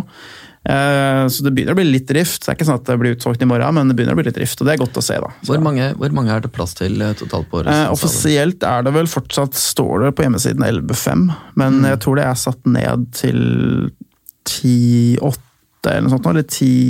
For de har jo den der kommentatorboksen sånn. der, og så har de badestampen der. Ja, badestampen tar noen plasser. Det tar noen plasser, eh, så det er litt sånn her og der. Men eh, offisielt er det jo 11.5 da, som er tilskuertallet på Åråsen. Ja, men jeg, jeg tror nok at det kommer til å bli veldig godt besøkt, uavhengig av eh, hva, som- hva som har blitt solgt til nå. Ja. Så, så blir det nok godt besøkt, men jeg vil allikevel anbefale enhver eh, romeriking til å komme, komme på den kampen. Eh, allikevel, for å fylle den helt full. Og så er det altså mer enn noen gang tidligere, så, så er jo Eller mindre enn noen gang tidligere, kanskje. Så er jo sånn her billettbørs og hvor mange er solgt så langt, er jo egentlig ikke like relevant som det har vært tidligere, nettopp pga. det du sier. At eh, med dagens teknologi så kan man fint sitte på bussen en time før kamp, eh, eller stå, Ja i, stå i kø til kamp, til og med. Husker vi gamle dager. Og kjøpe billetten sin. Og Gjerne kjøpe en uke før i billettkassa på Åråsen og hente billetten. og liksom. det- det- Sånn er det jo ikke lenger, heldigvis. Nei, og, og du må ikke kjøpe den dagen før, sånn at du rekker å printe den på biblioteket. Og sånn. Du, du kan bare vise skjermen din. kjøper den 30 minutter før mens du sitter på bussen, og så spør folk hei, har du billett. Nei, fanken, det har jeg glemt. Og så Men uansett så er det pluss-minus 4000 ledige billetter mens vi sitter her. Da. Og en generell oppfordring til alle som holder med disse lagene, er selvfølgelig å kjøpe de inn hvis du ikke har gjort det ennå. Ja. Men også hvis du holder med et annet lag, eh, kanskje ikke noen norske Mm. lag, er geografisk tilgjengelig og ikke har et bryllup eller noe sånt på lørdagen, dra og, og se hva dette er. Tror du norsk fotball ikke er noe for deg, så sjekk denne kampen i det minste, og se om du mener det samme etterpå. Eh, sjansen er stor for at du får et nytt bilde av hva alle må være på sin første kamp Ja før du får lidenskapen for et lag. Altså, jeg, jeg må innrømme at det fantes en tid før min første Vålerenga-kamp. Hvor jeg ikke var så interessert i Vålerenga. Og så husker jeg min tid etter min første Vålerenga-kamp. Selvfølgelig husker jeg jo min aller første Vålerenga-kamp. Var ganske stort. Men altså, la oss si det sånn at enhver person som ikke gifter seg på Østlandet, mm. skal være der eh, trenger jo større stadion, altså. Til helga. Ja, men helt enig. Er du ikke gift, eh, dra til Åråsen. Nei. ja, Eller om du, om du ikke gifter deg akkurat den dagen, dra til Åråsen. Er du gift, så burde du i hvert fall dra til Åråsen. Få Ja. litt uh, distanse mellom deg og kona. eller mannen. Og som sagt, uh, til alle de TV-supporterne der ute, altså denne Premier League-kampen kommer du til å glemme. Det her kommer du ikke til å glemme. Det. Det her kommer du til å snakke om med kompisene dine, og det er en opplevelse du kan ta med deg. Og Det er verdt pengene, og det er verdt tiden, og hvis man er en nøytral supporter som har lyst til å se denne kampen, så er det like hyggelig å få en full opplevelse. og Gå en tur innom byen for eksempel, før kampen begynner, eh, ta seg noe mat, eh, få en god opplevelse, en god stemning der. Det er sikkert en del av den pakka, det også. Så får dere hjemmekamper på, på Vålerenga. Dere har jo fått pub til stadion her. Det er sikkert en god opplevelse, det å få på en måte hele pakka. Det er ikke bare kampen. altså liksom Å være sosial, være med gutta, ta med kompisen. tar ikke 90 eh, minutter, nei. Det gjør ikke det, altså. For meg tar det ofte fire-fem timer. Og det er en Mm. dagsgreie, og det er utrolig gøy. Jeg, det kan, nå snakker jeg jo til eh, Nå synger jeg til koret her når jeg, synger i, når jeg snakker i mikrofon, altså, men eh, det sier seg selv at det er, det er mer enn de 90 minuttene. Og det er, eh, det er verdt det. Man blir liksom en eh, del av en større lokal familie. På Lillestrøm, hvor vi ikke er en stor metropol, så er det veldig kult å være en del av et sånt miljø. Og man eh, har mulighet til å bli kjent med mye bra mennesker. Så jeg vil oppfordre alle som er i sitt lokale miljø rundt om i Norge også, å støtte sitt lokale fotballag og engasjere seg i de miljøene. Så har vi god framtid. Jeg prata med ei dame mens jeg satt og varma opp på en pub borti gata her. Eh, I Arbeidergata 2. Eh, Og, og, og eh, sa jeg skulle hit og skulle jeg drive og snakke litt om Lillestrøm og kampen på Åråsen og sånn, sier hun. Ja, ja, ja, men jeg er så, jeg er så dritlei av å gå på fotballkamper nå, det går så dårlig og greier. Men ja, ja, det er- til helga, ja, da skal jeg dit. Åråsen får jeg alltid med meg. Ja. Ja, men sånn skal det være. Det er liksom Det er årets hjemmekamp på bortebane. Ja. Så, så det å reise til Åråsen, det er årets største hjemmekamp på bortebane. Jo, men det, altså Trym Hogner som sitter i dette Fugla-studioet rett ved siden av oss nå, han øh, mener jo i fullt alvor at øh, og, og dette kan generaliseres til å gjelde alle Vålerenga-fans på Åråsen, alle Godset-fans på Isaksen, Konsto, Stopp, stopp, stopp, stopp, Costco. Arena, andre veien der. Eh, Molde og Rosenborg. altså Alle disse store rivalene da, som hevder at uh, denne kampen betyr mer enn andre kamper. Som, alle de som er så heldige å ha en sånn kamp. Uh, det bør være skrevet i stein. altså Like mye som hvis du er sesongkortholder da, Precis. og går på alle hjemmekamper til laget ditt. Like forbanna sikkert som at du er på Intility eller Åråsen eller Marienlyst eller hva det er. Hver eneste gang det er hjemmekamp, så skal du være på den bortekampen det året. Ja, Kanskje man burde hatt sånn option, sånn der pluss Vålerenga away på sesongkortet. Ja, jo, men Ja, du Det er kjøper, sånn det sesongkort, du kjøper et sesongkort pluss Åråsen. Yes, precis. Sesongkort på Intility pluss Åråsen. Jo, men det, det mener jeg helt oppriktig er Ja, en god idé. Og jeg var innom, jeg skulle sjekke litt billettlinker og sånn for, eh, for videre spredning eh, i stad, og var innom både vif.no og lsk.no. De har jo samme uh, nettløsning. Altså, Ja, det har hele, deres det har hele, hele Eliteserien. Okay. Så eh, jeg må ta deg på den. men, men begge to hadde da link til billettsalget til denne kampen. Da. For Vålerenga er det en bortekamp. Det, det er ikke penger i kassa for deres del. Men de hadde den like synlig og like høyt oppe Ja. som det Lillestrøm har. Det virker jo som om de tenker ganske likt i forhold til dette. At Sa jeg forhold til feil? Eh, Vi må legge ned hele sjappa. Legge ned. Det- Ferdig. Det her går ikke. De, tenker ganske likt om dette. Om dette, ja. Eh, og kanskje kunne klubba rett og slett blitt enige om å legge på så og så mange hundre på sesongkortet sitt. Og så har man da per sesongkort solgt på Åråsen, så har man en bortebillett en, solgt eh, til den matchen på. Intility, og omvendt. Jeg liker ideen, eh, Morten. Det er, det er en god idé, det er en god idé så, som du kan videresende til markedsavdelinga til de forskjellige klubbene. Nei, jeg, jeg, er ikke så, jeg er ikke så fryktelig opptatt av, av de økonomiske elementene der eh, rundt, Nei, det, det er mer at du på en måte ting. binder deg litt til det. da. Eller Ja. at du vet at eh, Ja, men det er- altså, det det her er ikke en kostnad for meg, dette, er et sted jeg skal være. Men har du kjøpt et sesongkort, så binder du deg ikke til å møte opp på hver eneste kamp en gang heller. Så eh, om du kjøper et sesongkort i begynnelsen av sesongen eh, hvor det står eh, eh, alle hjemme pluss Åråsen borte. Okay, hvis man gjør så- det til en option, da, Eh, at man velger å krysse av på den, da føler man sikkert litt mer det er jeg mener, du får, yes. Eh, må ha et option der hvor de krysser deg på den, at jeg skal også ha bortekampbillett til Intility, f.eks. For, eksempel, for oss, og motsatt. Det er viktigste det er, tror jeg er at vi sitter her nå, og så peser Ja. enhver person som eh, tar seg tid til å høre på denne podden, til også, også, også komme på, på den kampen der for å, for å støtte det vi brenner for. Mm. Og det er, eh, det er spillere, og det er laget, og vi skal uh, møte opp for å vinne. Uh, og det, det skal vi enten gjøre på banen eller på tribunen, eller helst begge deler. Og der, der er det uavhengig av, av, av de gode ideene som vi kan gjøre med, med sesongkort og billettsalg og sånne ting. Eh, altså er vi, Jo flere vi er eh, på tribunen, jo bedre tror jeg faktisk at våre spillere kan gjøre det der ute. Vi tar og skaper følelser og stemninger også blant spillere, fordi selv om de kommer herifra og derifra, så kjenner de eh, nervene stige jo mer vi hyler og skriker og er, eh, og er gira og, og hiver flagg etter dem ut på banen eller et eller annet sånt som de kan løpe ut og plante på midtbana.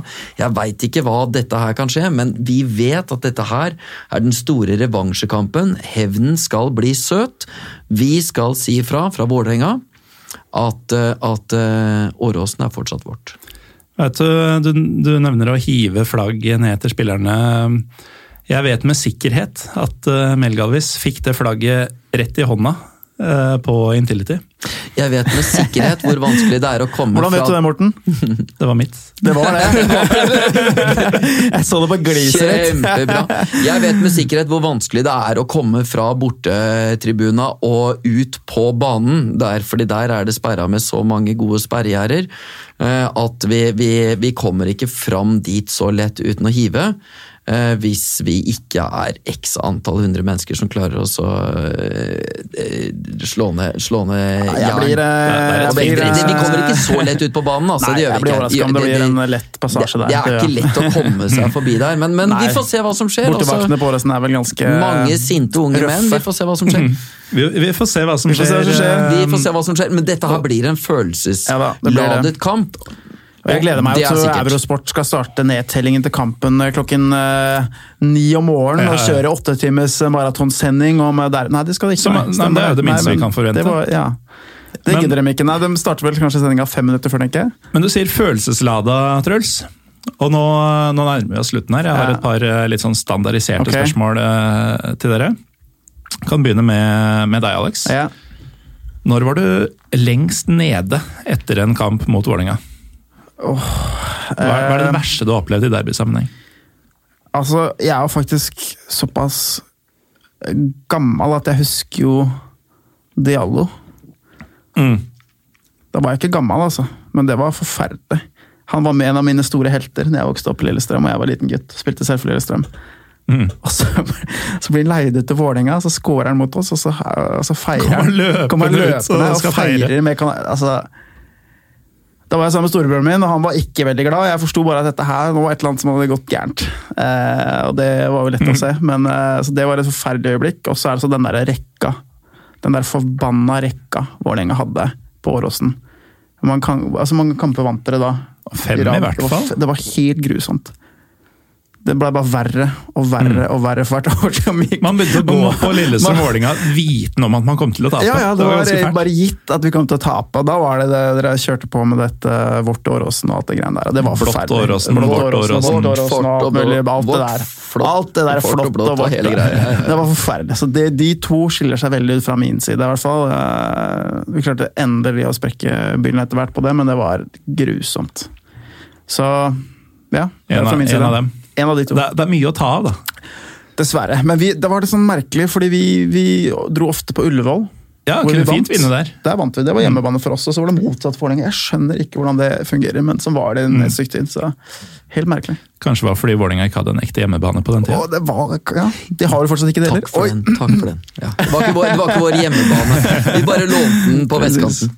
Men uh, Truls, samme spørsmål til deg. da. Hva, hva er ditt verste derbyminne? Eller Den er- når, når er det um... Den er ikke lenger tilbake enn fra, enn fra i år. Nei, kunne Den tenke meg det, egentlig. Eh, Det er jo eh, tapet på vår ekte hjemmebane. Eh, Og eh, at man eh, klarer å være så provoserende som Megalvis var. Vet du hva, Jeg hadde klart egentlig også legge det bak meg der.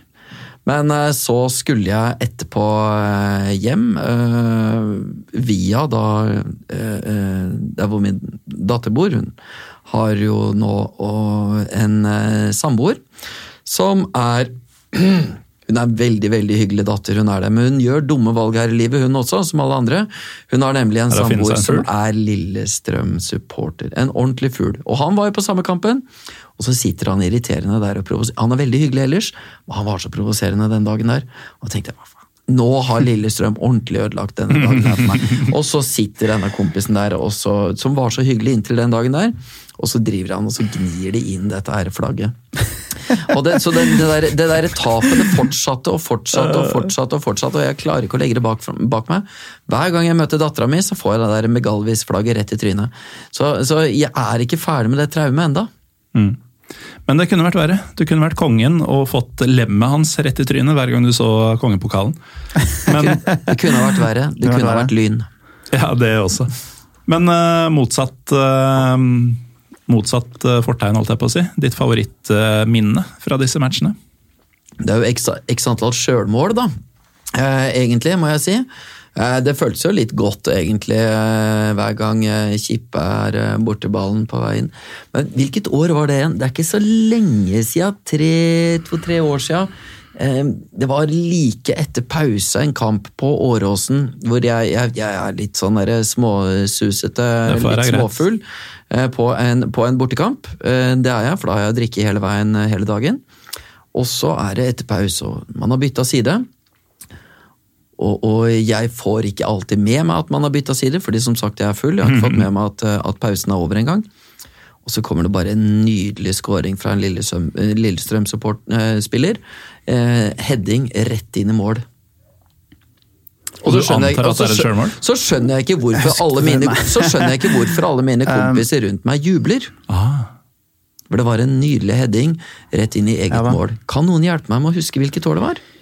Jeg tror ikke dette har skjedd. 15, 16, 17? Ikke Nei, Det var nok delirium, dette her. Men eh, nei, jeg er fryktelig dårlig på, på de, håper å si, differensiere de siste åra.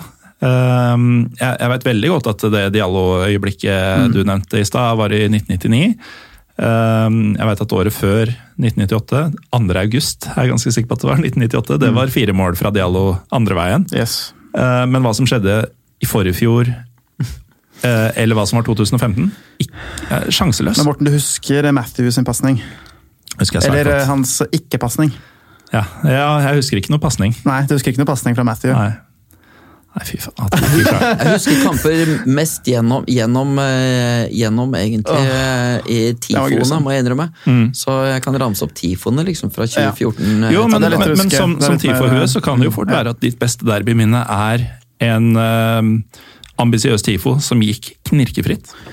Ja, altså For min del er det 2012, da, hvor eh, hele den ideen med det store seilet og all den røyken Det var Første gang vi gjorde det, og da husker jeg vi snakka om det, og vi var litt usikre på hva vi skulle gjøre. Så var det sånn, nei, stort seil, og så gjemmer vi røyken under, og så fyrer vi på. Enkelt og greit. Så det var liksom, eh, det funka veldig bra. Vi skulle egentlig hatt Lillestrøm malt på det, men det ble for svært, så da droppa vi det. Men, mm. men det var i hvert fall mitt beste minne. Da vant vi også 2-1. Så, Ja, det, det er mye som klaffa på Så en gang der. jo. Men det var den du nevnte tidligere, som bare hadde 12 000 tilskuere. Ja, det er den som Og- bare hadde 12. og sånn, Det er mitt beste I minne. mitt hode så er det det beste supporterderbyet som har vært i Ja, Norge. Mm. Fordi uh, kortsidene leverte så vanvittig, og det var jo etter hvert en sånn pågående krig Mhm. Og svaring av hverandres pyrobruk. Eh, og når man i, da, i tillegg, da, for, for vår del, Alex, ender med å vinne matchen Precis, ja. Matchvinnermålet foran Kanarifansen Ja, for øvrig. det var helt episk. Det, det er nesten umulig å slå av. altså. Selv om man planta et flagg og sånn eh, Ja for noen måneder siden. Det er også et bra minne, men da var vi ikke like mange. og Det var ikke like eh, samme trøkk, eh, sånn sett, da, men det var så bra der det var det. Vi har hatt, vi har hatt jeg, jeg, jeg tenker jo mye sånn eh, TIFO. Vi har jo hatt mye siden, siden Lyn forsvant, så har vi hatt mange gode TIFO-er eh, og retta det mest mot Lillestrøm. Lillestrøm, og, og syns at eh, utfordringa er best å gjøre det egentlig på Åråsen. Fordi man har eh, dårligere forberedelsestid, og, og det er bortebane, og kjenner ikke eh, Vi husker liksom bare fra år til år eh, eh, eh, hva, hva som er utfordringene på akkurat den tribunen. Og der har vi mye godt å ta av mot eh, Lillestrøm.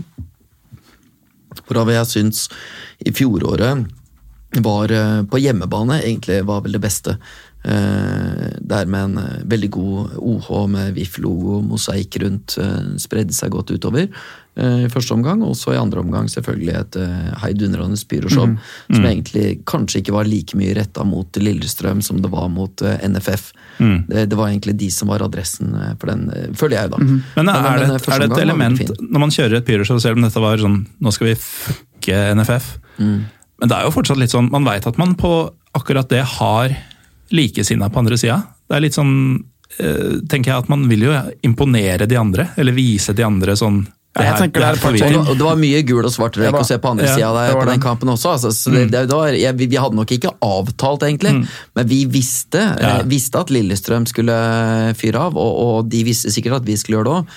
Så det var Jeg vet ikke helt om det var så mye mot hverandre som det var sammen. Ja, Men, men, det, men det er litt det, Ja. det vi var inne på i stad også, at eh, man har hverandre som sparringspartner. Da, og, Ja. og det er derfor du får ofte makspotensialet fra disse to gigantene i norsk tribunekultur, som innimellom, eller i perioder, er litt sånn sovende i forhold til hva potensialet er.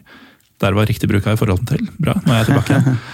Um, og i de kampene her så, så er begge innstilt på at nå har vi dem på andre sida, nå skal vi kjøre. Ja, selvfølgelig. Det er jo en stor faktor. ikke sant? Du ønsker Mm. å ha det beste showet mot din største fiende Mm. på tribunen. Sånn er det jo. Og så er det også fordi du vil også kjøre ditt største show eh, når du har flest av dine egne supportere på tribunen. Mm. Fordi vi gjerne imponere dem også, og så vil du også da gjerne imponere eh, de som kanskje ser det etterpå. Eh, via YouTube eller på bilder eller på TV osv. Det handler om å bygge en egen sånn kultur og stemning for, eh, for klubben. Det er en viktig del av brandingen til moderne fotball. Eh, Moderne fotball. Det er riktig brandingen til Det ble helt feil å si. Den var ekkel. Unnskyld. Det er en viktig del av brandingen til eh, Kall det liksom ekte fotball, da. Ja, ekte. litt med den der Europaliga-fotballen, ikke Champions League-fotballen. Så er det ja. Det Så er det det med håndhold, altså at det går sammen. da. Fansen og klubben går sammen på den måten. Sånn som f.eks. Mm. Frankfurt gjør det i Tyskland. Som f.eks. Eh, de greske lagene gjør det. F.eks. Eh, ja, Hammarby er et godt eksempel, eller Brøndby eller FCK osv. Der er det en, et samarbeid og egen kultur som, som hvor klubben skjønner at vi representerer noe, og vi representerer gjerne en by. Og det går hånd i hånd med det vi gjør på tribunen, og det vi lager, og det vi maler, og det vi syr. og Det er liksom en hel del av den pakka. Det er så viktig. Hvis du ser på en klubb som FCK eller Malmö eller IFK osv., den bruker jo dette her i sin egen branding mer enn den bruker spilleren omtrent. Mm. Det er så viktig, for da bygger du noe mer. Da blir klubben noe mer enn bare fotball. Så det er viktig, og det tror jeg vi kan gjerne ha litt mer rom for. Og hvis NFF er litt smarte, så gir de oss, eh, som er en del av disse klubbene, mer rom for å kunne bruke sånne ting, som f.eks. pyro. Så det er win-win hvis man bare setter opp riktige situasjoner og rammer for det.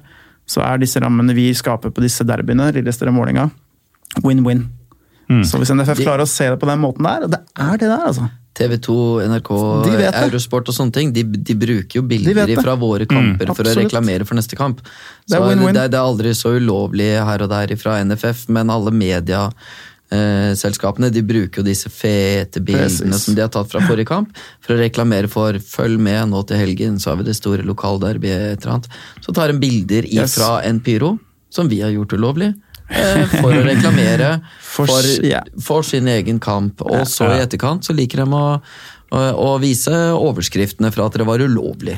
Eh, Du kan jo si det sånn, da, hvis du går på det med det, sosiale da? medier, hva er det som går viralt? Hva er det som går viralt fra fotballkamper utover fine mål og fine finter? Jo, det er fete TIFO-show og pyroer. Se når Dorfmund kjører noe fett i Champions League. Det er kanskje det mest virale den kvelden Ja. på alle sosiale medier. Jeg Mer enn det følger ikke fine med på kampen når Dortmund spiller. Jeg bare tar og søker opp hva i all verden har de klart å levere på tribunen i Ja, dag. ikke sant? Men det Det er er, en sak. jeg følger med på Twitter, ikke sant? da er det 100 000 retweets da, Ja. på den for Dortmund. Blant annet ja, fra Jan Hage Fjørtoft. Ja, ikke sant? Så, fort- så hvis, hvis man klarer å bare innse at det dette her er win-win også for de norske klubbene, så eh, Det er jo reklame for å få Kan ikke NFF si at dette er reklame for å få publikum tilbake igjen på, på, på Eh, stadion, liksom? Det Jeg jo- kan anbefale alle som har lyst til å ha en god eh, opplevelse, komme på Åråsen til helga. Kan du ikke gi oss et lite tips om hva slags TIFO har dere tenkt til å bruke mot oss nå på Nå skal jeg sende jeg, jeg, jeg legger det på Twitter, liksom. skal vi se her. Hvis du Lykke bare- til. Nei, ja. Ut på Twitter. Men- men- mosaikk, Av- eh, av ting- flagg eh, Kjør på nå. Av ting som man skal faktisk kan si, da. Eh, Truls, hva gjør Vålerenga-supporterne på lørdag som gjør at man må være der? Altså, Én ting er jo at vi kjører vår årlige bortetifo med stor sannsynlighet. Jeg kan jo ikke garantere, men, men uh, uh, historie og statistikk sier at det vil skje nå igjen. Eh, og det, det blir jo spennende å se hvordan, hvordan det ser ut, som er mye enklere å se når man er der. Men det vi gjør, uh, er jo at vi har vår årlige uh, sangprøve med å klare å synge ut hjemmesupporterne. Klarer vi å komme på en bortebane og kline til og få både med vårt sangrepertoar, utvalg, og vårt volum og vårt antall mennesker til å bare synge Canaris eh, ned i, i støvla, så er, det, så er det det vi kommer dit for. Men da trenger vi antall mennesker eh, som har eh, spist antall eh. Fisherman's Friends og, og og, og, Ricola eh, til å kunne levere volum og, og, og, og si ifra at dette her er vår stadion. Så det, det går nok eh, Det er nok volum vi forbereder oss hardest på. Bra jeg kan, Men, men, men ti, Tifon Bra er jeg kan med flere øl til deg. ja. Ti- Tifon, tifon er ferdig planlagt. Eh, Når det kommer til eh, sang og, og liv og engasjement, så er det en ting som, eh, som, som vi må rett og slett bare gjøre det hardeste vi kan. Mm. I de 90 minuttene. Alex, hva er det hva er det på tribunen som gjør at du ikke kan bli hjemme denne dagen fra Lillestrøms side? Det, er, eh, det kommer til å bli en vanvittig punch rett og slett fra feltet. Det kommer til å bli eh, 1800 på feltet. Det kommer til å bli en stadion som er engasjert. Det kommer til å bli sang i 90 minutter pluss. eh, 30-40.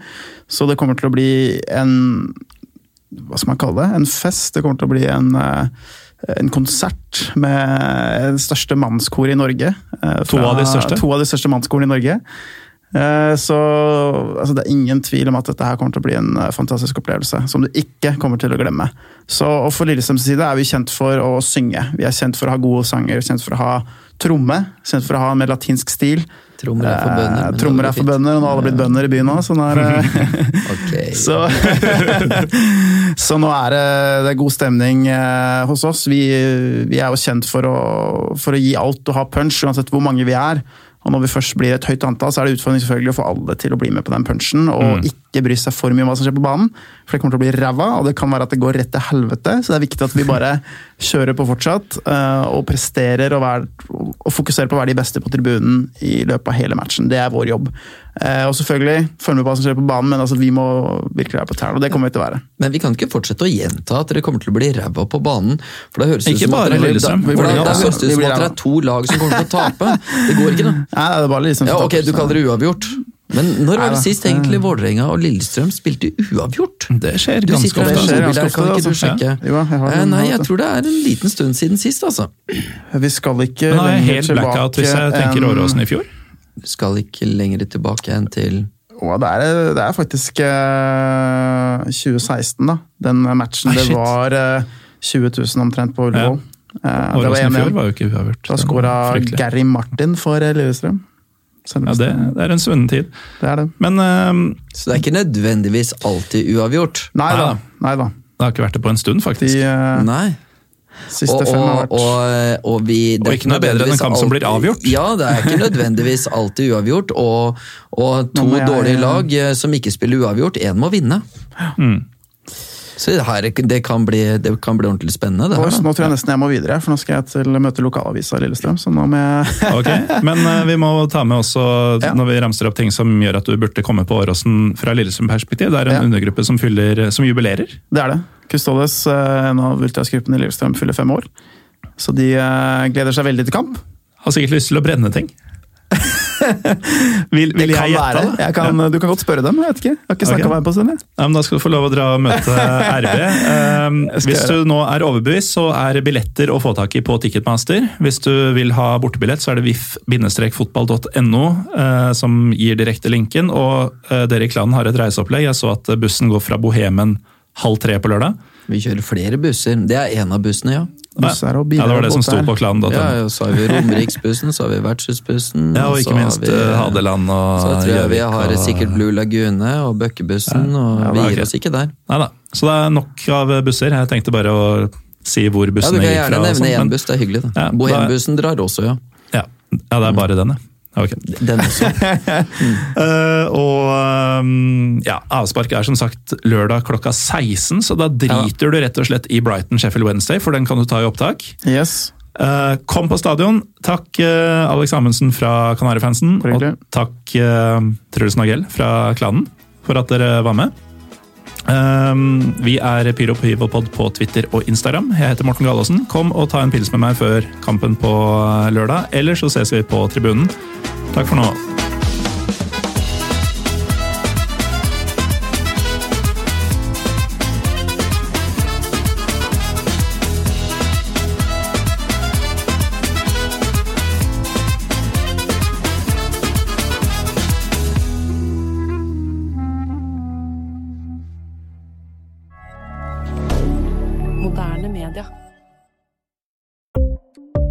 Ukens annonsør er HelloFresh. HelloFresh er verdens ledende matkasseleverandør og kan være redningen i en travel hverdag. Mange av oss har nok vandret i butikken både sultne og uten en plan for middagen, som ender med at vi går for de samme kjedelige rettene gang på gang. Middag burde være dagens høydepunkt. Som HelloFresh kan du nå velge mellom 25 ulike retter hver eneste uke, eller få HelloFresh til å sette sammen menyen for deg. Dette gir deg muligheten til å prøve nye og spennende retter alene eller sammen med familien. Du velger antall porsjoner og får alt levert på døren på et tidspunkt som passer for deg. Oppskriftene er enkle, og maten er lett å lage både for store og for små. Ved å få alt levert hjem får du også mer tid til å dele matgleden med familie og venner. Kanskje det frister med asiatiske tacos eller greskinspirert kylling? Da kan jeg anbefale deg om å gå inn på hellofresh.no. Her kan du bruke koden FOTBALL og få opptil 1779 kroner i rabatt på de første fem matkastene hvis du ikke har prøvd Hello Fresh tidligere. Du kan også bruke rabatten hvis du har vært kunde og stoppet abonnementet ditt for tolv måneder siden eller lengre. Gå inn på hellofresh.no og bruk koden FOTBALL. Har du et enkeltpersonforetak eller en liten bedrift? Da er du sikkert lei av å høre meg snakke om hvor enkelt det er med kvitteringer og bilag i fiken, så vi eh, gir oss her, vi. Fordi vi liker enkelt. Fiken superenkelt regnskap.